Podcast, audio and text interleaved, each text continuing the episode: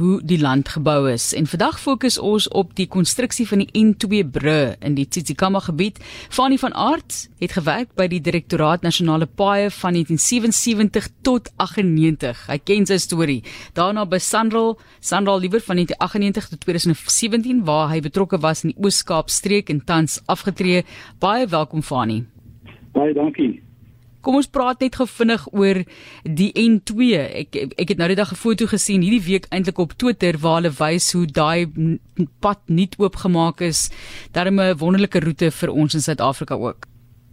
Ja, absoluut en, en ek was uh, baie bevoorreg om as jong geleer also uh met baie kinders en mense betrokke wees uh, op die konstruksie daar tussen die N die N2 tussen uh, Suid-Rivier en Blikkransrivier. Hoekom fokus ons op die Tsitsikamma gebied se brug spesifiek? Wel ek ek dink hulle is miskien uh van daar's da ses redelike groot brûe daarso. Uh van seker van die grootste in die in die land gewees destyds. Uh in ja, die uh die die drie brûe wat uh um Williams Gretrivier en en Bloukrand uitmaak is is die eintlik die laaste 3 van ses groot strukture daar tussen die Kaap en Port Elizabeth. Uh die eerste is natuurlik die Paul Sauer brug oor die Stormrivier en dit is daar in 1954 voltooi. Uh en natuurlik dis wat almal ken, dis al die uh die volstasie van Rus en die CPT te kry. Uh Nou, hierdie spesifieke brug het 'n baie uh, interessante konstruksie gewees en dat die gedeelte van die bo is eintlik regop gebou en amper soos vier twee vingers aan die weerskante en toe hulle voltooi is, is hulle deur middel van skaniere afgesak om by mekaar uit te kom om die basis van van die van die boog uh, te voltooi en uh hierdie intrede brug in Suid-Afrika se uh, boogspanning is hier by die 100 meter uh tussen die twee punte. En en toe uh, voordele verder in die tweede groot brug, betonbrug wat gebou is oor die van Stavensrivierbrug. Uh dis natuurlik so 50 km wes van Port Elizabeth En dis dis vir twee hier so in 1970 in in, in 1970. Uh in in dis na die uh konstruksie tegnieke verder voor uh, ontwikkel het en groter brûe of boogbrûe kon gebou word. Uh die ons hoogspanning van hierdie boog is so 198 meter, so 2 meter kort van 200 meter. En die konstruksiemetode hierso het uh, het uh, heelwat verander, verskil uh om die boog progressief ondersteun was soos dit gebou word. Uh en word soos mens die boog die die brug se boog vorentoe bou ondersteun mens dit met uh uh kabels hier weer kolomme en uh en, en sodoende bou mens aan tot die twee gedeeltes van weerskante by mekaar uitkom. Ja, yes, en dan die derde een, daai betonbrug, ek dink is al by Gourits rivier brug rond, hè? Ja, die die derde groot uh groot brug was die Gourits rivier brug. Uh dis voltooi hierso in 1977.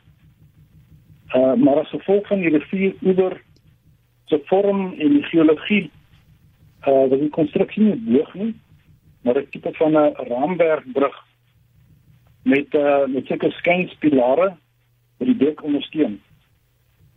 Uh die konstruksiemetode het egter min of meer dieselfde as die van Staatsrivier gewees deur die uh die die brugelemente te ondersteun met kabels terwyl dit gebou was.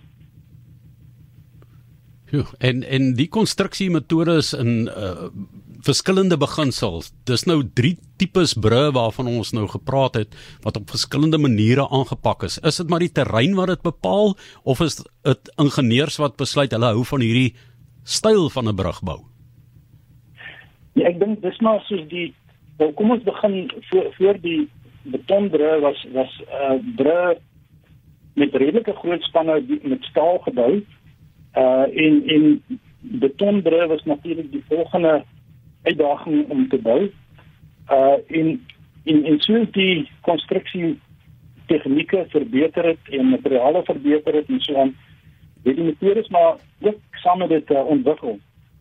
Maar uh die die die uh uh kabelondersteunende brug lyk weet veral vir boogbrug is is is 'n redelike uh, aanvaarde in in 'n uh, uh, met die tegniek wat wat ons self bewys het. Ja, ek dink ook as jy mens gaan kyk na ehm um, plekke, jy weet, jy kyk na Amerikaanse films byvoorbeeld, dan sien jy baie die kabelondersteuning in moderne uh paaie wat gebou word terwyl jy dan kyk na die ou spoorweë in Europa dan jy hierdie hoe 'n brug wat hulle van onder af gebou het nê wat daai ondersteuning bied eintlik partykeer pragtige fotos wat 'n mens ehm um, dan kan kry. So ehm um, hierdie kabelhangstrukture ehm um, dit is half kolomme bo die brug waaraan die brug hang nê en en dit moet ehm um, daarom baie mooi bereken word vir die massa wat oor daardie brug beweeg. Nou terwyl 'n voertuig beweeg, is die massa nie dieselfde as wat hulle parkeer en stil staan nie. So mens moet gaan kyk wat is die swaarste moontlikste impak seker wanneer so 'n brug gebou word. Ja, ek dink mens moet dit uit afhaal vir die uh en groot waardering hê vir die kundige mense wat uh weet wat hierdie strukture ontwerp en bou. Uh jy weet jy praat nou van van die van die uh, voertuie en daai soort van goed maar soos mense brug bou verander die belading op die elemente wat nou klaar gebou is totaal verskillend as as die finale brugvorm. Uh so daar's 'n gedurende verandering in die belading en die die kragte wat mens dan moet uh, teenstaan uh tydens die konstruksie en dan is dit twee weer 'n ander beladingsvorm en dan kan mens natuurlik uh, windbelading en selfs uh, aardbewing uh, aardbewing uh, uh, hmm. laste wat dit kan wees so ja dit is ek sê die die manne met die dikbrille uh ek sien streepies op die papier getrek om hierdie vir alles te doen. Jy moet wiskunde weet, jy moet ken. maar ehm um, in formules. Maar ehm um, jy het nou vertel van daardie drie groot brûe, maar daar's drie ander brûe wat ook gebou is in die uh, laat 70er jare toe hulle die laaste 3 eintlik gebou daar, hè. Dis reg ja, hierso in die laat 70er jare uh het die die laaste 3 begin uh naamlik die Bobbejaan, die Groot Rivier en Bloukraan riviere. En en hulle is almal uh hoe sou dit voltooi in in 1980. Uh die Bobbejaan en Groot Rivier is eintlik 'n bietjie nouer oorspanning as die, as die van Stadens. Uh Bobbejans was uh, 165 meter en en uh groter vuur is 189 meter en dit onthou die van Stadens was net so onder die 200 meter. Uh Bloukrans is natuurlik die magtigste met sy 272 meter hoogspanning.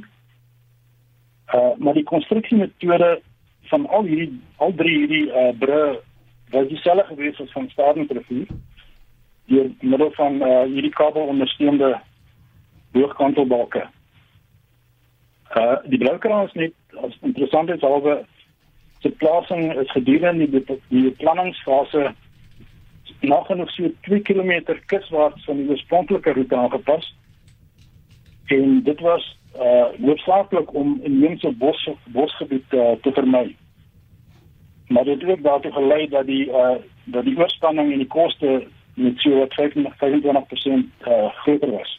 Ja, daar was al vandag so oor die Nysna verbypad en uh, die omgewings uh bewaringsgroepe wat geweldige druk plaas dat dit nie gebeur nie en so. Maar ehm um, ek dink die uitdagings vir die kontrakteurs, dit is wat 'n mens uh moet respekteer en wanneer jy weer oor daardie breëry dan uh, moet 'n mens dit in gedagte hou. Dit is nou Fanie van Aart met wie ons gesels. Hy was by die Direktoraat Nasionale Paaie van 77 tot 98 en daarna by Sanral van 1998 tot 2017 en betrokke in die Oos-Kaap veral waar hy tans uh, afgetree is. Maar ja, miskien so laaste gedagte van jou oor uh, jy weet die respek wat 'n mens nodig het vir die arbeid daar in daai omgewing wanneer dit natuurlik gebeur, né? Ja, absoluut. Ja, ek ek net daarom byvoeg uh ek ek het baie inligting uitgekry uit 'n SARS uitgawe van April 1984 oor oor uh, oor die inligting en so aan. So ja, dit kom nie alles uit my uit.